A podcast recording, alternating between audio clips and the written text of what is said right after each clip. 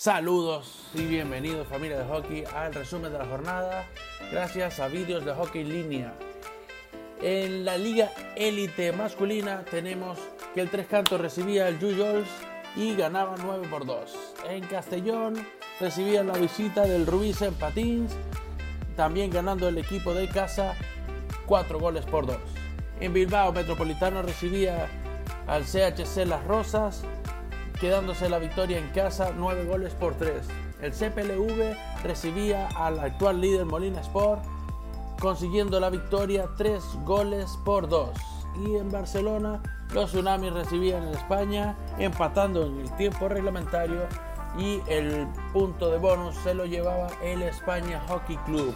Jornada decisiva para los primeros 5 puestos de la liga Recordemos que las primeras cuatro plazas son los clasificados para los sucesivos playoffs para definir el campeonato.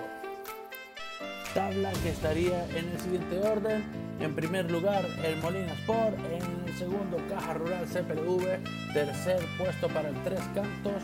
Cuarta plaza para el España Hockey Club. Y quinta plaza para el Metropolitano, donde se hace un corte.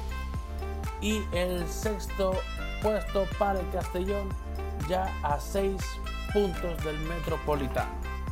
Cuando apenas quedan 5 jornadas para terminar la temporada regular y dar comienzo a los playoffs. Por parte de las chicas, en la Liga Élite Femenina, el Tres Cantos recibe al Tucans y empatan en el tiempo reglamentario y el bonus es para el Tucán. Los Tsunamis reciben en Barcelona al España Hockey Club llevándose la victoria 6 goles por 1. Y el Club Patín Villarreal recibía al Aranda del Duero llevándose la victoria 3 goles por 2.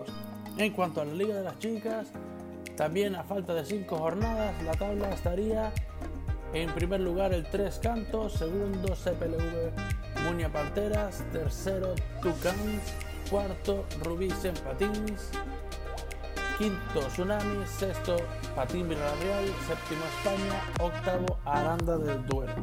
Y demos paso a los jugadores más valiosos de la jornada. En cuanto a los chicos, tenemos Álvaro Pons, que consiguió 5 puntos para su equipo España Hockey Club. Y en cuanto a los porteros, tendremos a Capi de Castellón, con un 94% de acierto. En cuanto a las chicas, tenemos a Elena de Tres Cantos que se llevó 3 puntos para convertirse en la jugadora más valiosa de la jornada. Y en cuanto a la portería, tenemos a Olga Torres también de la España con un 92% de efectividad. Para los que nos escuchan a través de Spotify, recordarles que pueden ir al canal de Video Hockey en línea para ver los mejores resúmenes y los vídeos del highlights de los partidos. Recordarles que este fin de semana el Molina Sport recibirá al Tsunamis en las Palmas de Gran Canaria y tendré el placer de estar